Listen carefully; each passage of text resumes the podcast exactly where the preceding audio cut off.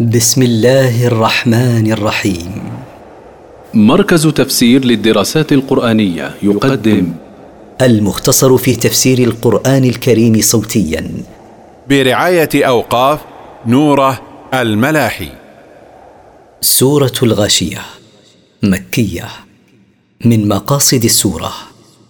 التذكير بالآخرة وما فيها من الثواب والعقاب والنظر في براهين قدرة الله. التفسير. هل أتاك حديث الغاشية؟ هل أتاك أيها الرسول حديث القيامة التي تغشى الناس بأهوالها؟ وجوه يومئذ خاشعة. فالناس في يوم القيامة إما أشقياء وإما سعداء فوجوه الأشقياء ذليلة خاضعة. عاملة ناصبة. متعبة مجهدة بالسلاسل التي تسحب بها والأغلال التي تغل بها. تصلى نارا حامية.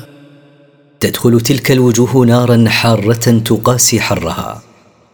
تسقى من عين آنية. تسقى من عين شديدة حرارة الماء. ليس لهم طعام إلا من ضريع. ليس لهم طعام يتغذون به إلا من أخبث الطعام وأنتنه. من نبات يسمى الشبرق إذا يبس صار مسموما. لا يسمن ولا يغني من جوع. لا يسمن آكله ولا يسد جوعته. وجوه يومئذ ناعمة. ووجوه السعداء في ذلك اليوم ذات نعمة وبهجة وسرور لما لاقوه من النعيم. لسعيها راضية. لعملها الصالح الذي عملته في الدنيا راضية فقد وجدت ثواب عملها مدخرا لها مضاعفا. في جنة عالية. في جنة مرتفعة المكان والمكانة. لا تسمع فيها لاغية.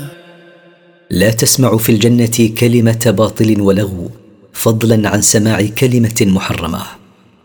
فيها عين جارية.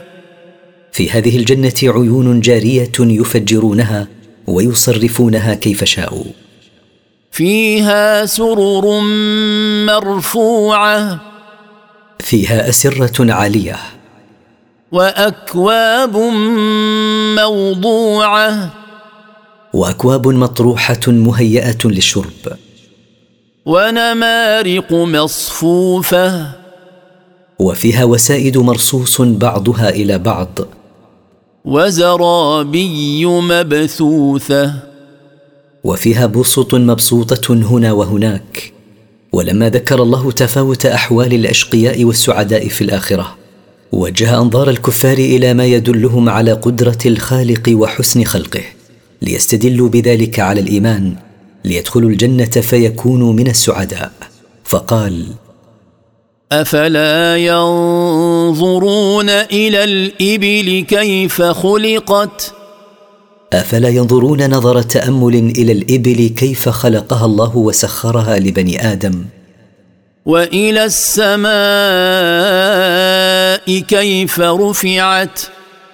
وينظرون إلى السماء كيف رفعها حتى صارت فوقهم سقفا محفوظا لا يسقط عليهم. وإلى الجبال كيف نصبت؟ وينظرون إلى الجبال كيف نصبها وثبت بها الأرض أن تضطرب بالناس. وإلى الأرض كيف سطحت؟